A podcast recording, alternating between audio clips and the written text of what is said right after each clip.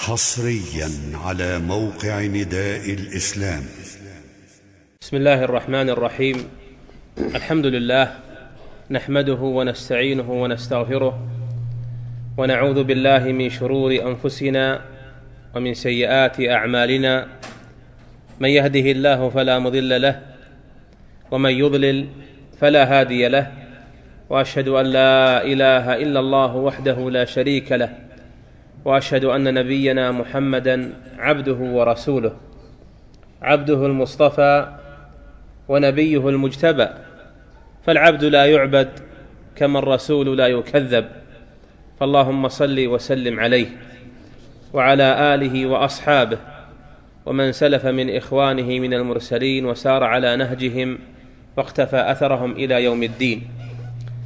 أما بعد أيها الجمع الكريم أيها الإخوة الأفاضل أحييكم جميعا بتحية الإسلام. فالسلام عليكم ورحمة الله وبركاته ومغفرته ومرضاته.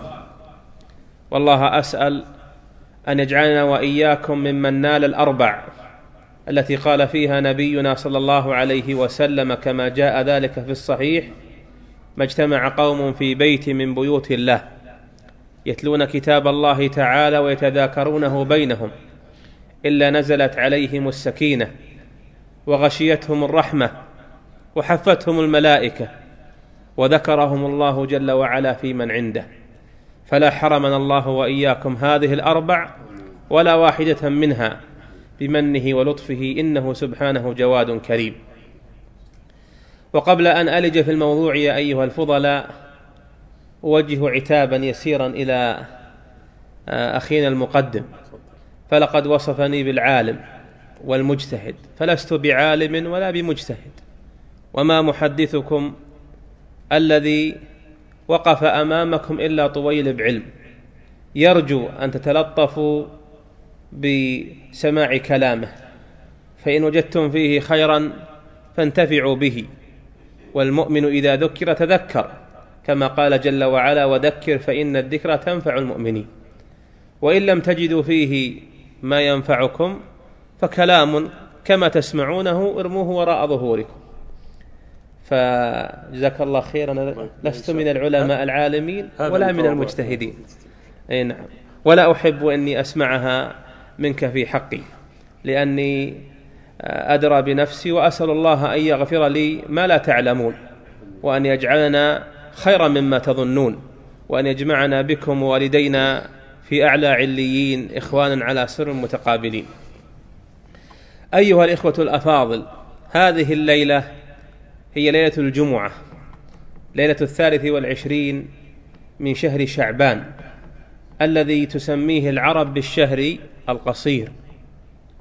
فجاء الشهر وما أسرع من قضت لياليه وغدا إن كتب الله لنا ولكم حياة سيهنئ بعضنا بعضا بقدوم رمضان.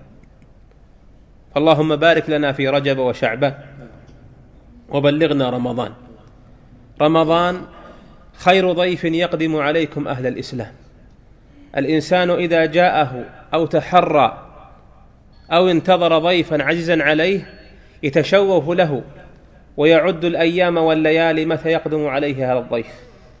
وسيقدم عليكم رمضان. شهر اختصه الله جل وعلا بفرض صيامه وندب الناس في قيامه جماعة في التراويح والقيام. شهر كان السلف الصالح إذا صاموا رمضان سألوا الله خمسة أشهر أن يتقبله منهم. ثم سألوه ستة أشهر أن يبلغهم رمضان الثاني. وثبت عن النبي عليه الصلاة والسلام من وجوه عديدة أنه دعا ربه فقال اللهم بارك لنا في رجب وشعبان وبلغنا رمضان ولقد بشر أصحابه عليه الصلاة والسلام فيما يروى عنه بقوله لقد اظلكم شهر كريم اظلكم يعني أقبل عليكم. وهذه يا إخواني نفحاته وأرياحه ونسائمه قد هبت علينا. نعم. لقد أظلكم شهر كريم تفتح فيه أبواب الجنان والجنان لها ثمانية أبواب. منها باب للصائمين فقط هو باب الريان جزاء وفاقا. لما لما اضموا نهارهم بصيامهم عبادة لله كان الجزاء من جنس العمل. أنهم يدخلون من باب فيروون فيه ولا يظمؤون بعده أبدا. تفتح فيه أبواب الجنان وتوصد فيه أبواب النيران. لماذا؟ لأنه شهر نفحات. فيه المغفرة وفيه الرحمة. ولله في كل ليلة من لياليه عتقاء من النار. وتصفد فيه المرده تصفد يعني تسلسل توضع في الأصفاد. والمردة هم الكفرة من الجن. فهؤلاء يصفدون في رمضان. ويا لله كيف أن هؤلاء المردة من الجن حالهم في رمضان مسلسلين مصفدين ولكن حمل عنهم الشر وأذاعه ونشره شياطين الإنس. وإنكم لتنظرون إلى جهدهم وجهادهم وبذلهم وحرصهم في إغواء الناس وإلهائهم في رمضان. فيما يعلنونه في وسائل الإعلام من مسلسلات ومن برامج ومن مسابقات هي ميسر وربا يتهيئون بها لرمضان. تنبني على استمداد أموال المشاهدين والمتصلين فقد يربح والغالب الأعم منهم من يخسر. وهو الميسر الذي قال الله جل وعلا فيه في سورة المائدة إنما الخمر والميسر والأنصاب والأزلام رجس من عمل الشيطان فاجتنبوه لعلكم تفلحون. وسيقع في شباك هؤلاء الكثيرون إلا من سبقت لهم من الله الحسنى فعزموا على الصيام والقيام. وعزموا على حفظ صيامهم من مكدراته وراقبوا ربهم جل وعلا ولم يقعوا في شباك هؤلاء لأن المردة من الإنس مصفدين المردة من الإنس مصفدون والمردة من من المردة من الجن مصفدون والمردة من الإنس منطلقون. فالله الله لا يوقعونكم يرعاكم الله في شباكهم فيلهونكم عن شهركم. وصيامكم وتضييع لياليه وأيامه فما أسرع ما ينقضي رمضان. وأنت يا أيها المؤمن احمد الله عز وجل وأعظم عليه الثناء والشكر أن بلغك رمضان. والآن لم يات رمضان لكن انوي في قلبك أنك تري الله جل وعلا من نفسك في هذا الصيام والقيام في رمضان خيرا. حتى إذا كتب الله عليك الموت قبله يكتب لك عملك كما نويته. وفي الحديث عنه صلى الله عليه وسلم تبلغ نية المؤمن عند الله ما لا يبلغ عمله. فمن نوى خيرا ولم يفعله إما لأنه مات أو تعرض لغيرها من اسباب العجز كتب له عمله كما كان صحيحا شحيحا. واحذر يا أخي واحذر يا أيها المسلم أن يقدم عليك هذا الموسم موسم الرحمات والغفران وحط الذنوب والزلات ثم ينقضي عنك رمضان ولا يغفر لك فيه. فأنت عندئذ مغبون أي غبن بل مرغم أنفك. فلقد جاء جبرائيل إلى النبي صلى الله عليه وسلم وهو على المنبر فقال يا محمد قل آمين. فقال آمين. قال قل آمين. فقال آمين. قال رغم أنف امرئ. رغم أنفه. والأنف اللي تقبلونه. رغم الله أنفه يعني أرغمه في التراب. من أدركه رمضان ثم خرج منه ولم يغفر له. لماذا؟ لأن هذه هي أعظم الخسارات. ما هي بالخسارة؟ خسارة المال ولا الدراهم ولا الأولاد ولا الأهل ولا الأصحاب. الخسارة أن يمر عليك كها موسم كهذا الموسم ثم يخرج منك ولم يغفر لك. فقال آمين. قال قل آمين مرتين فقال آمين. قال رغم أنف امرئ أدرك أبويه أو أحدهما عند الكبر فلم يغفر له. والثالثة قل آمين مرتين فقال آمين فقال رغم أنف امرئ ذكرت عنده فلم يصلي عليك. اللهم صل وسلم عليه. اذا يا أيها الأفاضل نتواصى وإياكم بهذا الأمر الجليل ولنستذكر ونتذكر من إخواننا وأحبابنا ومعارفنا وجيراننا من قضى الله عليهم قضاءه بالحق بالموت فماتوا. ولم يدركوا رمضان. ثم أيضا في أناس منوا أنفسهم أن يصوموا ثم قضى الله قضاءه عليهم بالحق فماتوا ولم يصوموا. وهذا أمر يجب أن يجلجل في قلبك وأن يقرع مسامعك لتتهيأ لهذه الفريضة. يقول الله جل وعلا بسم الله الرحمن الرحيم. يا أيها الذين آمنوا كتب عليكم الصيام كما كتب على الذين من قبلكم لعلكم تتقون. أياما معدودات. وفي هذه إشارة إلى أن رمضان وإن كان شهر لكنه ما أسرع ما ينقضي. وجربتم العام الماضي والذي قبله. أسرع الشهور أي شهر؟ رمضان. يتباشر الناس في أوله فلا يفجأهم إلا وقد جاءت العشر الأخيرة. ثم تدافرت الليالي إلى أن يتباشر بعضهم ويهنئ بعضهم بعضا بالعيد. فهو أسرع الشهور زمانا وزوالا لأن آخر الزمان يتقارب فيه الزمان كما ذكره النبي صلى الله عليه وسلم فيما رواه البخاري.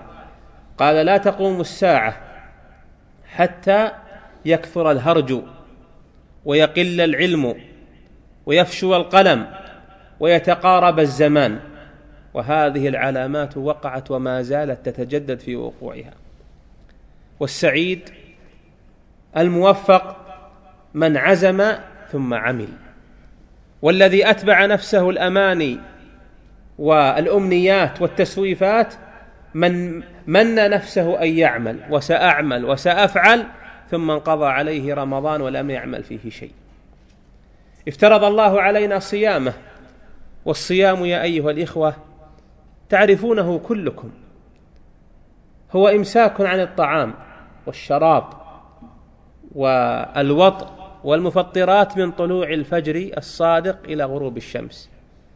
أليست هذه مباحات؟ الطعام مباح والشراب مباح ومعافسة الإنسان أهله أمر مباح. افترض الله علينا أن نمسك ونمتنع عن هذه المباحات إلى متى؟ إلى غروب الشمس. وفي هذا بيان سر عظيم من أسرار الصوم. كيف هو؟ إن الصوم مدرسة. لما أمسكت عن المباحات في نهار رمضان كان الواجب عليك أن تمسك عن المحرمات في رمضان وفي غيره. في النهار وفي الليل. ولهذا صيام رمضان يربيك ويهذب قلبك ونفسك يا أيها المؤمن فتصوم عن المحرمات كل وقت وكل أوان. وهذا حقيقة الصوم.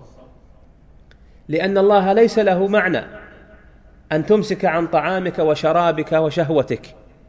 لا يستفيد ربك من ذلك وإنما لتتأدب وتستقيم فتمسك عن المحرمات وتؤدي الفرائض. يقول النبي صلى الله عليه وسلم من لم يدع قول الزور والعمل به والجهل فليس لله حاجة أن يدع طعامه ولا شرابه. نعم من لم يدع الحرام قولا والباطل فعلا والجهل والجهل لفظ عام يشمل السب والشتم والخصومة والحسد والحقد والشنآن وسيء الأقوال وسيء الأفعال وسيء الأدواء. كل ما هو جهل من لم يدعه فليس لله حاجة أن يصوم عن المباحات طعاما وشرابا وشهوة وهو يقارف هذه المحرمات. والصيام يا أيها الإخوة هذه الفريضة التي من شهدها وهو قادر على أدائها غير متلبس بألباس العذر يجب عليه فرضا لله أن يصوم.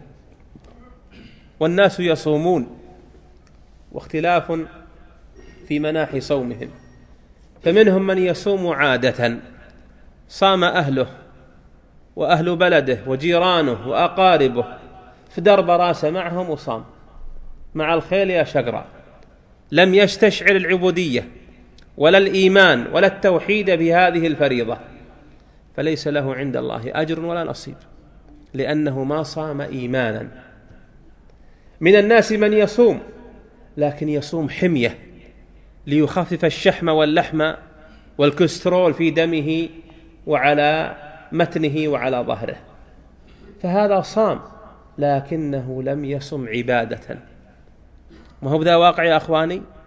بعض الناس يواعده المستشفى يجي في النهار صائم. لم يذق لا طعام ولا شراب فيذهب صائما. وهذا ما له حظ في العبادة لأنه لم ينوي. ولهذا صيام رمضان لا بد من تبيت النية في أول ليلة من لياليه. تعقدها في قلبك تعزم على أنك صائم فرضك في هذا الشهر. لقول النبي صلى الله عليه وسلم من لم يبيت الصيام من الليل فلا صيام له. في حديث حفصة رضي الله عنها. ثم يا أيها الفضلاء انظروا إلى الوعد الكريم من رسول رؤوف رحيم عليه الصلاة والسلام. رؤوف رحيم بالمؤمنين. فجاء في الصحيحين من حديث أبي هريرة رضي الله عنه قال قال النبي صلى الله عليه وسلم من صام رمضان إيمانا واحتسابا غفر له ما تقدم من ذنبه. ومن قام رمضان إيمانا واحتسابا غفر له ما تقدم من ذنبه. جاء في مسند الإمام أحمد زيادة عظيمة مفرحة للمؤمنين. قال غفر له ما تقدم من ذنبه وما تأخر. كيف تدرك هذا الفضل العظيم؟ بشيء يسير لكن يحتاج منك إلى مجاهدة وإلى محاسبة وإلى متابعة وإلحاح لكن مع نفسك وقلبك ونيتك. وهو يدور على أمرين. الأول أن يكون باعث صومك هو الإيمان بالله أي التوحيد لله بهذا الصوم العبودية والخضوع لربك بهذا الصوم لأنه افترضه عليك. يا أيها الذين آمنوا كتب عليكم الصيام. من المخاطب بهذه الآية؟ إنه أنت وأنت وأنت. كل مسلم ومسلمة هو المعني بهذا الخطاب الإلهي. ولهذا قال ابن مسعود إذا سمعت في القرآن آية يا أيها الذين آمنوا فأرعها سمعك فأنت المخاطب بها فهو خير تؤمر به أو شر تنهى وتحذر عنه. وقال جل وعلا فمن شهد منكم الشهر فليصمه فليصمه فعل أمر. إذا من لم يشهد الشهر لا يجب عليه صيامه وهم أولئك المجندلين في قبورهم ولحودهم لأنهم لم يشهدوا هذا الشهر. فليكون صيامك فليكن صيامك إيمانا وتوحيدا وعبودية لله لا عادة ولا حمية ولا رياء لأن الصوم لا يدرى عنه أنك صائم حتى تخبر بلسانك أو بحالك أنك صائم. ولهذا هو عبادة سرية أدعى ما يكون فيها داعي الإخلاص والتوحيد في إفرادها لله وحده لا شريك له. وأن تصوم أيضا احتسابا فتحتسب أجر صيامك على الله وثواب صيامك على الله وأبشر من الله بخير عظيم. يقول النبي صلى الله عليه وسلم قال الله عز وجل فهذا حديث قدسي يرويه النبي عن ربه قال الله عز وجل كل عمل ابن آدم له الحسنة بعشر أضعافها إلى سبعمائة ضعف. إلى أضعاف كثيرة. إلا الصوم فإنه لي وأنا أجزي به. يدع طعامه وشرابه وشهوته من أجلي. والله فضل عظيم يا أخواني. كل العمل عمل الصالحات وعدك الله بأقل شيء الحسنه بضعفها إلى عشرة أضعافها. ثم تتفاوت إلى سبعمائة ضعف إلى أضعاف كثيرة. ما مقدار هذا التفاوت؟ إن هذا التفاوت يقوم على ما يقوم في القلب من صحة النية والعزم والإيمان والتوحيد وموافقة هدي النبي صلى الله عليه وسلم. ولهذا يتفاوت الناس في مقاصد قلوبهم أعظم تفاوت. فمنهم من يأخذ على العمل صورته واحدة صلاة أو بر أو صدقة أو كلمة طيبة. منهم من ينال فيها المضاعفات الكثيرة ومنهم من من لا ينال إلا ضعفا واحدا. لأن الأمر يقوم على النية والمقصد. إلا عبادة واحدة. تكفل أكر أكرم الأكرمين. وأغنى الأغنياء جل وعلا أن يجزي عليها جزاء لا عد له ولا حد. فإذا قال أكرم الأكرمين سبحانه إلا الصوم فإنه لي وأنا أجزي به. وش تظن بالله عز وجل عندئذ؟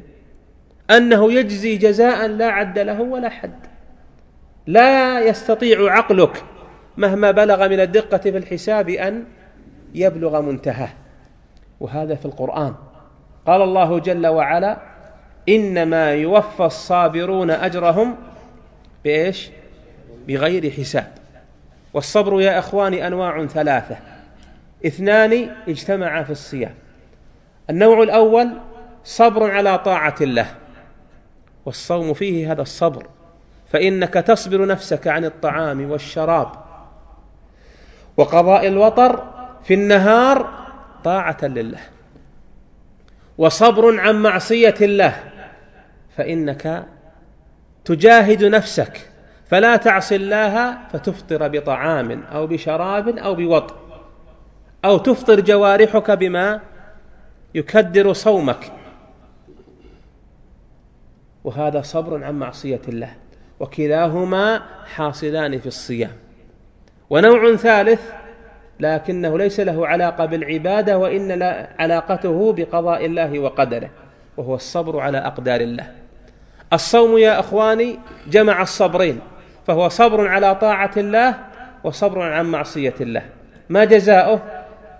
توفى أجرك بغير حساب عند الله عز وجل. ولهذا قال جل وعلا إلا الصوم فإنه لي وأنا أجزي به. بعض الإخوان ما يستوعب هذا ولا يقدره حق قدره لكن اسمعوا هذا الحديث الذي يدلكم على نوع وفرد من أفراد فضل الله للصائمين. في الصحيحين من حديث عائشة رضي الله عنها قالت قال النبي صلى الله عليه وسلم من صام يوما في سبيل الله يعني مخلصا به لله لا لحظ من الحظوظ ولا لغرض من الأغراض. من صام يوما في سبيل الله بعد الله وجهه عن النار سبعين خريفا. سبعين سنة لمن صام يوما واحدا ابتغى بصيامه أنه في سبيل الله. طيب من صام شهرا؟ اضرب سبعين في ثلاثين. من صام أكثر من ذلك؟ لن يستطيع عقلك أن يحيط بهذا الحد ولا لهذه الحسنات بعد لأن الله يقول إنما يوفى الصابرون أجرهم بغير حساب. ولاحظوا يا, يا أيها الفضلاء كيف أن الأمر كله مداره على ماذا؟ على النية وعلى القلب وعلى المقصد. وعلى ما يتحقق في قلبك من كمال الإيمان والمراقبة وملاحظة إثابة ربنا جل وعلا. وهذا خصوصية هذه الأمة أنها أقل الأمم أعمالا وأعظمها عند الله أجورا لأمر قام في قلبهم. يقول الصحابة رضي الله عنهم والله ما سبقهم أبو بكر بكثرة صلاة ولا كثرة صيام ولا كثرة عمل ولكن بشيء وقر في قلبه حتى لقب بالصديق رضي الله عنه. وعندي يا أيها الإخوة رسائل في هذا المقام أو وقفات لا بد من ذكرها. الرسالة الأولى أن تحفظ صيامك عما يكدره ويشينه. وسائل الإعلام بأنواعها. مواقع النت الصحف الأسواق حرارة الوقت كلها دواعي لأن الإنسان يقضيها في معصية الله. ولكن الذي هو عاقل وكيس وفطن الذي يدين نفسه الآن ليسعد بعد الآن. والعاجز من أتبع نفسه هواها. فتمنى عندئذ على الله الأماني. احفظ صومك. كما أنك تصوم لله توحيدا وعبادة فاحفظ صومك مما يكدره ويشينه. واحفظ ليلك. ولا تكن عجوزا ولا كسولا ولا عاجزا ولا متوانيا. بعض الناس إذا صلى مع إمام تسليمتين قال تعبت. هل إمام الفاعل التارك الذي أتعبنا وأشغلنا وضيق علينا. الناس اطلعوا قبل نصف ساعة وهو زادنا خمس دقائق. وإذا وقف في السوق أو في المدرجات أو في طوابير المطار ما يبالي. تمضي عليه الساعات وهو واقف لأمر من أمور الدنيا المحضة. أقول هذا يا أخواني لأن منا من يصلي مع الإمام ركعتين أو أربع ثم يطق. إلى وين؟ إلى السوق. إلى الديوانية. إلى الملهى. إلى الشاليه. يضيع على نفسه دقائق معدودة هو فيها غانم ليس بالغارم لكن المحروم من حرم نفسه الأجر وضيعت وضاعت عليه مواسم الخير. وأبشركم ببشارة النبي صلى الله عليه وسلم. فبأبي هو وأمي. قال من قام مع الإمام حتى ينصرف كتب له قيام ليلة. من صلى مع إمامه حتى يفرغ إمامه من التراويح كتب له كأنه قام ليلة. وأكثر الأئمة ما تتعدى صلاتهم ساعة إلا ربع. ساعة إلا ربع كأنك قمت ليلة فيها 13 ساعة أو 12 ساعة. فضل كثير على عمل يسير لكن يحتاج إلى المجاهدة. ثم أيضا إذا صليت وراء الإمام في التراويح وفي القيام تفكر تدبر فيما تسمعه من القرآن. لا يكن سماعك قبل الصلاة مثل سماعك بعد الصلاة.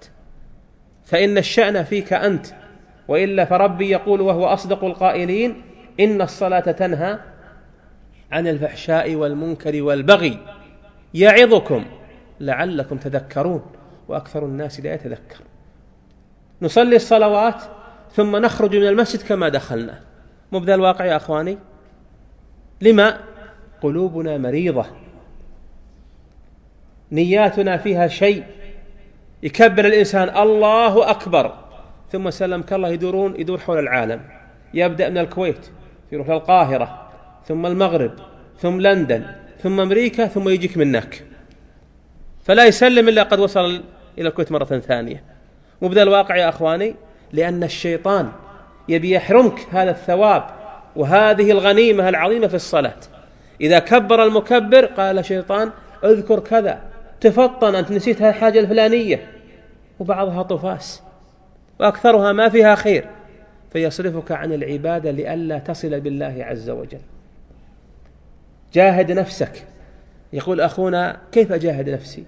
إذا كبر الإمام وقرأ ألف لام ميم ذلك الكتاب لا ريب فيه هدى للمتقين. قل يا الله اجعلني من المتقين.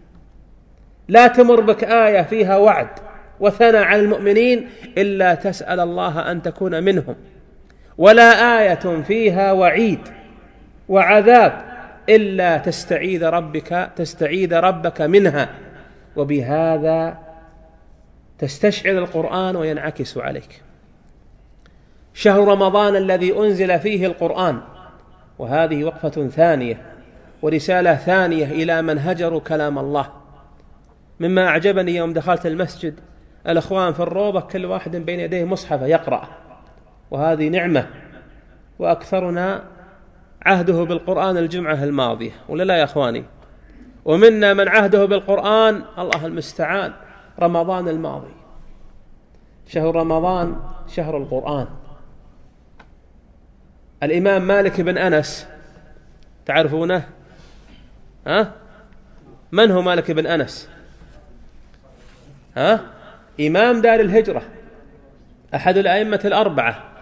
كان إذا دخل رمضان توقف عن دروسه. وش دروسه؟ في الكيمياء؟ في الفيزياء؟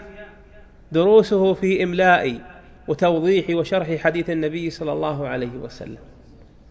إذا دخل رمضان توقف عن دروسه ونشر بين يديه المصحف مع أنه حافظ للقرآن لكن يتلذذ بالقرآن في رمضان لأن رمضان شهر القرآن. وتستطيع يا أيها المسلم أن تقرأ القرآن مرات كثيرة في رمضان. وسأعطيك برنامجا لا يشق عليك. أرعنا سمعك. وافتح مع سمعك قلبك. إن كان هو موصد افتحه شوي. خله يتنسم. عاهد وجاهد نفسك يا أخي أن لا يؤذن المؤذن في فروضك الخمس في رمضان إلا وأنت في المسجد. جاهد نفسك. حاسبها راقبها تابعها. فلا يفرغ المؤذن من أذانه إلا وأنت في المسجد. تنفل ثم افتح المصحف. واقرأ. قبل الأذان بربع ساعة بعشرين دقيقة تبي تخلص جزء. خلال اليوم خمسة إلى ستة أجزاء. تختم قرآن القرآن في رمضان كم مرة؟ تختمه في رمضان ست مرات. وأدب نفسك. نفسك مثل الفرس الجموح. الفرس الجموح هل يمكن تقودها بغير الجام؟ ما يمكن. نفسك كذلك. الجمها إذا تأخرت عن الأذان أو عن وقتك فحاسبها وعوض الوقت بعد الصلاة. لماذا؟ حتى تقواها وتؤدبها. وتلذذ بالقرآن. القرآن يا أخواني لو طبعناه في صحيفة من الصحف ما بلغ كل المصحف من سورة الفاتحة إلى الناس إلا صحيفة فيها عشر صفحات. ومنا من عنده قدرة وهوى وخاطر وهمة يفري الجريدة من أولها إلى آخرها ولو كانت ثمانين صفحة بملاحقها المتنوعة. ما يكل ولا يمل. وكلام الله عليه ثقيل. وهذا علامة مرض وضعف في قلبه. فاجعل للقرآن نصيبا منك في نهارك وفي ليلك. وأبشر فإنه سيكون أنيسك وضجيعك سيكون القرآن أنيسك وضجيعك في قبرك. بل وأعظم من ذلك يأتي يوم القيامة القرآن أي ثواب قراءتك. يأتي يحاج لك عند الله يا ربي أنا أظمأت نهاره وأحييت ليله. فلا يزال القرآن بك حتى يدخلك الجنة. والويل يا إخواني لمن جاء القرآن يوم القيامة فلا يزال بصاحبه حتى يزخه في قفاه إلى النار لأنه اتخذ كلام الله وراءه ظهريا الوقفة الثالثة أن نعنى بأولادنا وأهلينا ونسائنا. نعنى بهم في رمضان. نشعرهم يا أخواني أنهم في عبادة. نمنيهم بفضلها وما أعده الله من الثواب العظيم. أكثرنا رمضان شهر تسمين. واسمحوا لي على هذا التعبير. شهر الفيمتو وشهر الشوربة وشهر القيمات والسمبوسة تسمين لأولاده. كأنه مقبل على مجاعة. ولا لا يا أخواني؟ شوفوا الجمعيات الآن والأسواق. وش التهيأ فيه؟ لمقاضي رمضان. بعد العصر في كل يوم الناس يموجون في الأسواق. سنهم مجبرين على سنين, عج... سنين عجاف أنا لا أمنعك أن تؤمن الرزق لأولادك وأهلك لكن ليكن اهتمامك بقلوبهم وصلاحهم أعظم من اهتمامك بتسمينهم. أنت ما تبي تسمن غنم إنما تربيهم وتقيهم نار جهنم. يا أيها الذين آمنوا قوا أنفسكم وأهليكم نارا وقودها الناس والحجارة. وش المانع أن يجوع أولادك يذوقون الجوع يوم أو يومين؟ في مانع يا أخواني؟ في غضاضه وهذا من أسرار الصوم أن يستشعر الأغنياء الموسرين من أنعم الله عليهم وأفاء عليهم من نعمه وآلائه يستشعر حال هؤلاء المعوزين الذين ما يجدون قوتا. مر علينا حديث عائشة رضي الله عنها أنه دخل على النبي أن أن النبي صلى الله عليه وسلم دخل عليها. فقال يا عائشة أعندكم شيء؟ قالت ما عندنا شيء يا رسول الله. من هذا؟ أكرم من وطئت قدمه البسيطة. أكرم العباد على الله. يدخل إلى بيته ما عنده شيء. والواحد منا اسمحوا لي على هذه الصراحة لو أغلق على نفسه بيته سنة كاملة ما يحتاج للسوق مما عنده في الفريزل وفي الثلاجات وفي المستودعات من أصناف الأطعمة والمعلبات والأكياس. صح ولا لا يا إخواني؟ هذا الواقع. نجرب بالصيام هؤلاء المساكين. نعود عيالنا.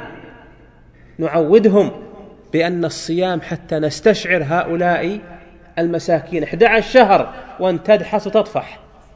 جرب يوما أو يومين.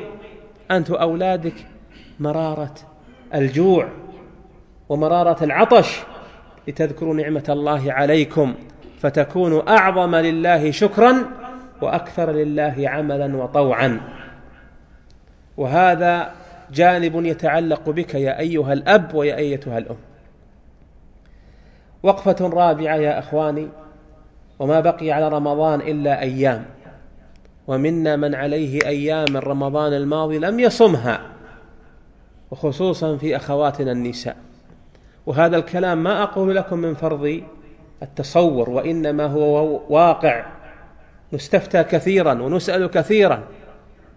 إذا بقي على رمضان يوم أو يومين جاءنا المتصل يقول والله أنا علي خمسة أيام من رمضان وما باقي إلا يومين وش أسوي؟ أنت فرطت وقصرت. لأنك لم تصم ما عليك من قضاء.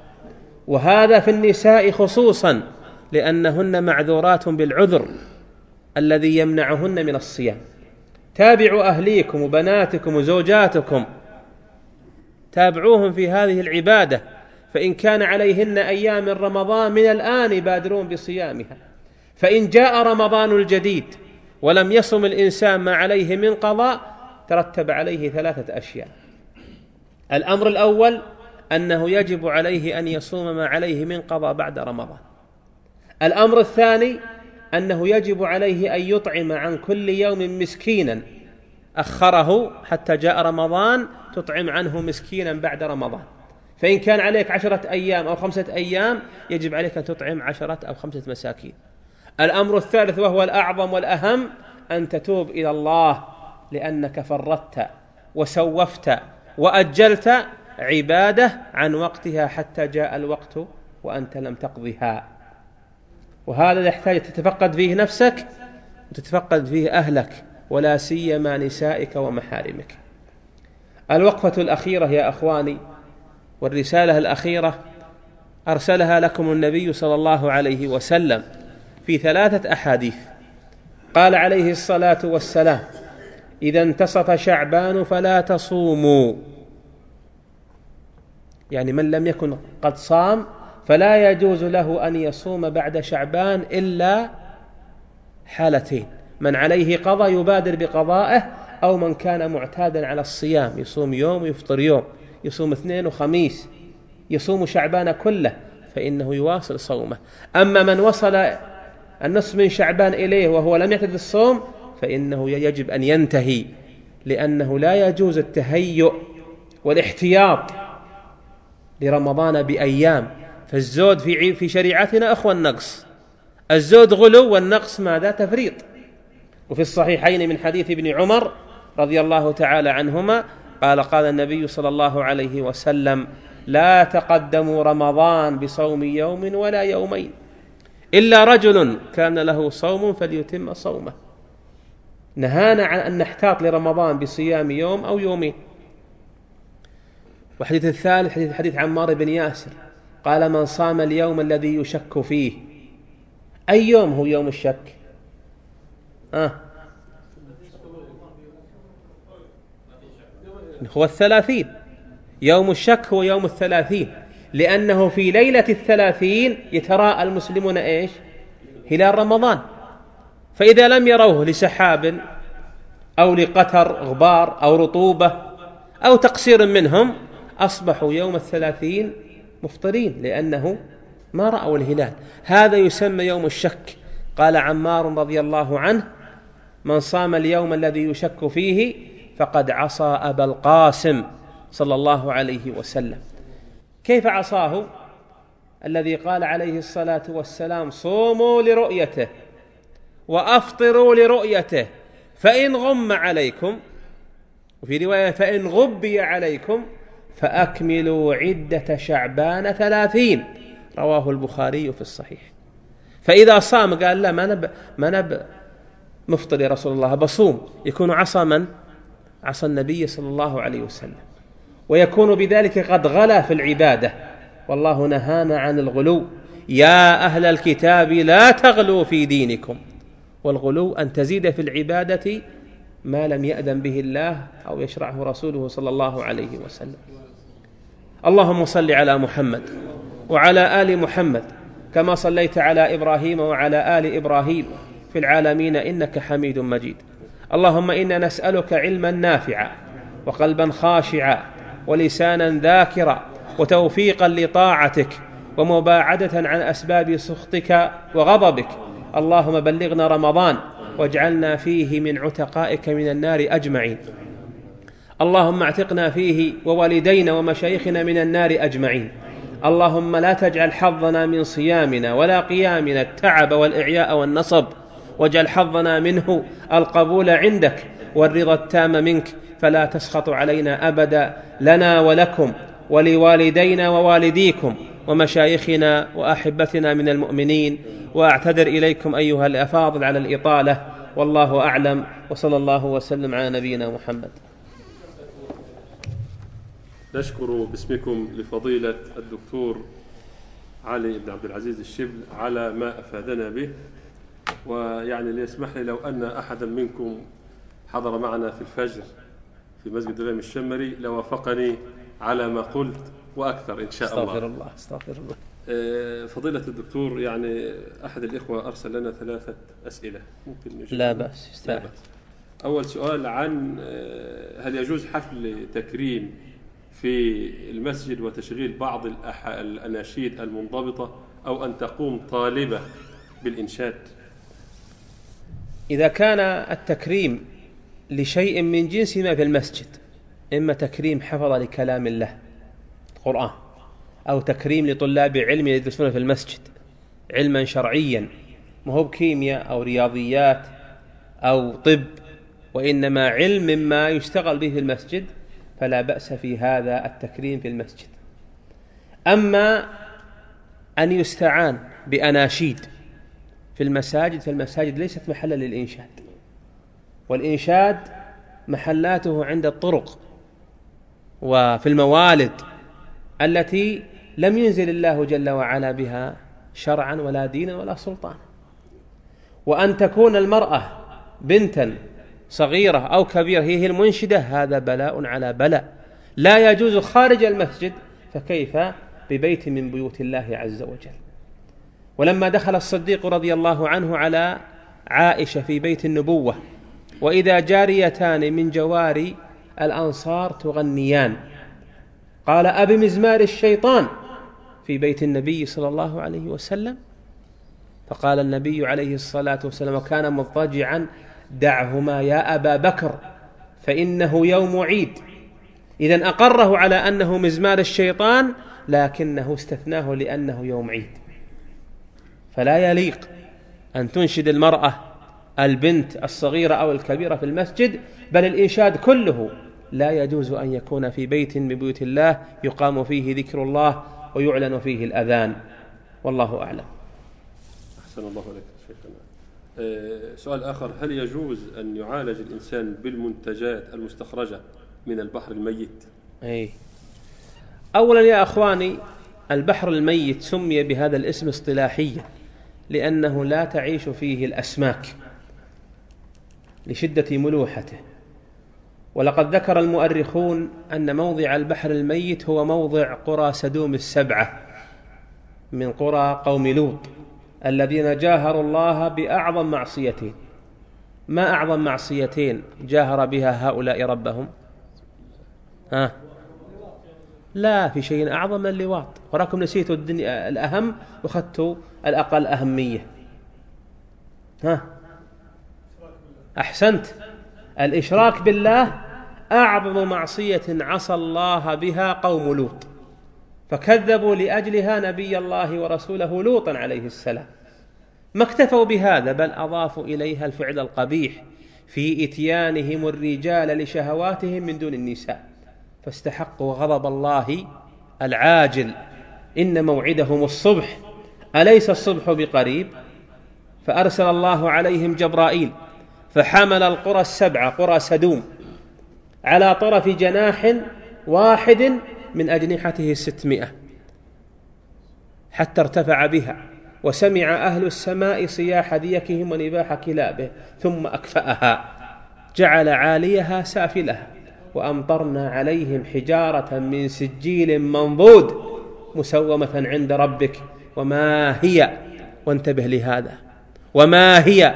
ممن؟ من الظالمين ببعيد.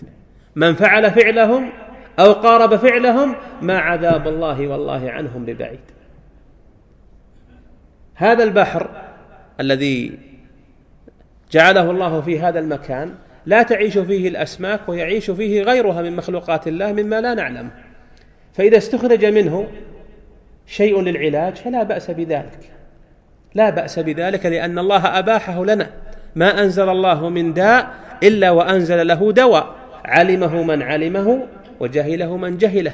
قال صلى الله عليه وسلم تداووا عباد الله ولا تتداووا بحرام فإن الله لم يجعل شفاء أمتي فيما حرمه عليها. فلا بأس من ذلك.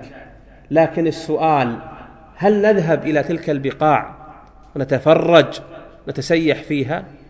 هذه مسألة تحتاج إلى تأمل وعلامة استفهام عظيمة حيث يقول صلى الله عليه وسلم لا تدخلوا ديار الذين ظلموا أنفسهم إلا وأنتم باكين أو متباكين لئلا يصيبكم ما أصابه لما سار عليه الصلاة والسلام إلى تبوك وأخبره الخريت من هو الخريت؟ اللي يدل الطريق. قال ليس لنا طريق إلا من من الحجر. والحجر هي مدائن صالح. والرسول أراد أن يتفاداها. فلما لم يكن له بد من المرور بها وهو ذاهب مجاهد في سبيل الله يصف الصحابة رضي الله عنهم كيف فعل النبي عليه الصلاة والسلام. قنع رأسه أي رمى برأسه على رحاله. ويسمع نحيبه حتى خرج من هذه الديار. وتلك آثارهم باقية. ولما عجن بعض أصحابه عجينا من بئرها أمرهم عليه الصلاة والسلام أن يلقوها. فقال له عمر يا رسول الله أو نطعمه بهائمنا لأن جيش وفيه ركائب ثلاثين ألف مقاتل. قال أو, نطعم أو تطعمونه بهائمكم. لأن من كان بالله أعرف كان منه جل وعلا أجل وأخوف. والآن أصبحت هذه الأماكن أماكن آثار وسياحة وتنزه. وهذا يا أخواني خلاف المقصد الشرعي في أن يعتبر المؤمن قل سيروا في الأرض فانظروا كيف كان عاقبة الذين من قبلكم. أما أن يأخذ من مائها من البحر الميت إذا كان صدقا فيه العلاج فلا بأس. مع أنه يا أخواني المياه الكبريتية عموما هي فيها علاج لماذا؟ للأمراض الجلدية في الحساسية وغيرها. لكن لا يعتقد أن الماء الذي يصدر من هذا المكان له ميزة وله بركة وله خصوصية لم يجعلها الله فيه كذلك. والله أعلم. سؤال أخير. طيب. ها؟ ما حكم الصور التي على ملابس الأطفال؟ أي. الصور يا أخواني إما أن تكون مرسومة باليد يسمى الرسم التشكيلي ويسمى للأسف فنا تشكيليا. أو مصورة بالآلات وبالأجهزة ومثبتة على الملابس أو منحوتة نحت بالنسج أو بالخرز أو بالشك أو بالتطريز. وكل هذه الثلاثة محرمة. وكونها على الأطفال أشد حرمة وأنكى. فإن النبي صلى الله عليه وسلم قال لا تدخل الملائكة بيتا فيه كلب ولا صورة. فإذا لم تدخل الملائكة هذا المكان من يدخل إليه؟ شياطين. فإذا دخلت الشياطين وآذت عيالكم وعيلانكم ونساءكم وبدأوا يصيحون بالليل وبالنهار ذهبتم بهم إلى فلان وعلان اللي يقرأ حتى يخرج هذه الشياطين وهذه الأرواح الشريرة منهم. طيب أنت في عافية. لماذا جئت بأسباب دفع الأحراز منك الشرعية واستبدلتها بالشياطين والصورة مانعة من دخول الشيطان وبالتالي فلا يجوز وضع الصور على ملابس الأطفال ولا على ستائرهم ولا وضعها في مجسمات في دببة وعرايس و... وإبل وخيول وغنم وبساسة وقطاوة فإنك بهذا تحرم أولادك وأهلك وبيتك من أن تكون فيه الملائكة. حتى إن جبريل امتنع من الدخول بيت النبي عليه الصلاة والسلام لما كان فيه ستر منمق بتصاوير وهو بيت النبي فكيف ببيت غيره؟ فننتبه لهذا يا أخواني. والحمد لله المنتجات في الأسواق نحن الذين نطلبها ونحن الذين نستعملها. فلو كافحناها ما جاء بها التجار ولا استوردوها ولا استقدموها لكن أنا أرضى واجدع براسي والثاني والثالث والرابع إلى أن تعم في أسواقنا وعندئذ يقول القائل ما لقيت.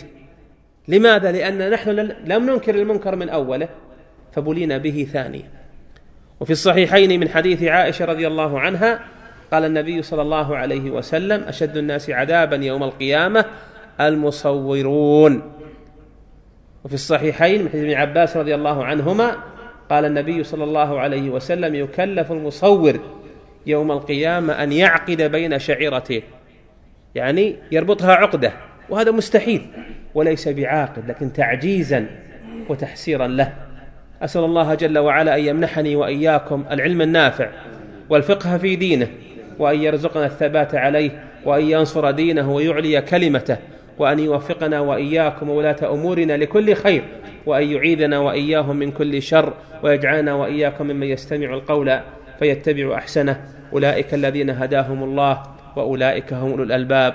وأشكركم مرة أخرى على حسن إنصاتكم واستماعكم. والسلام عليكم ورحمة الله وبركاته. تم تنزيل هذه المادة من موقع نداء الإسلام www.islam-call.com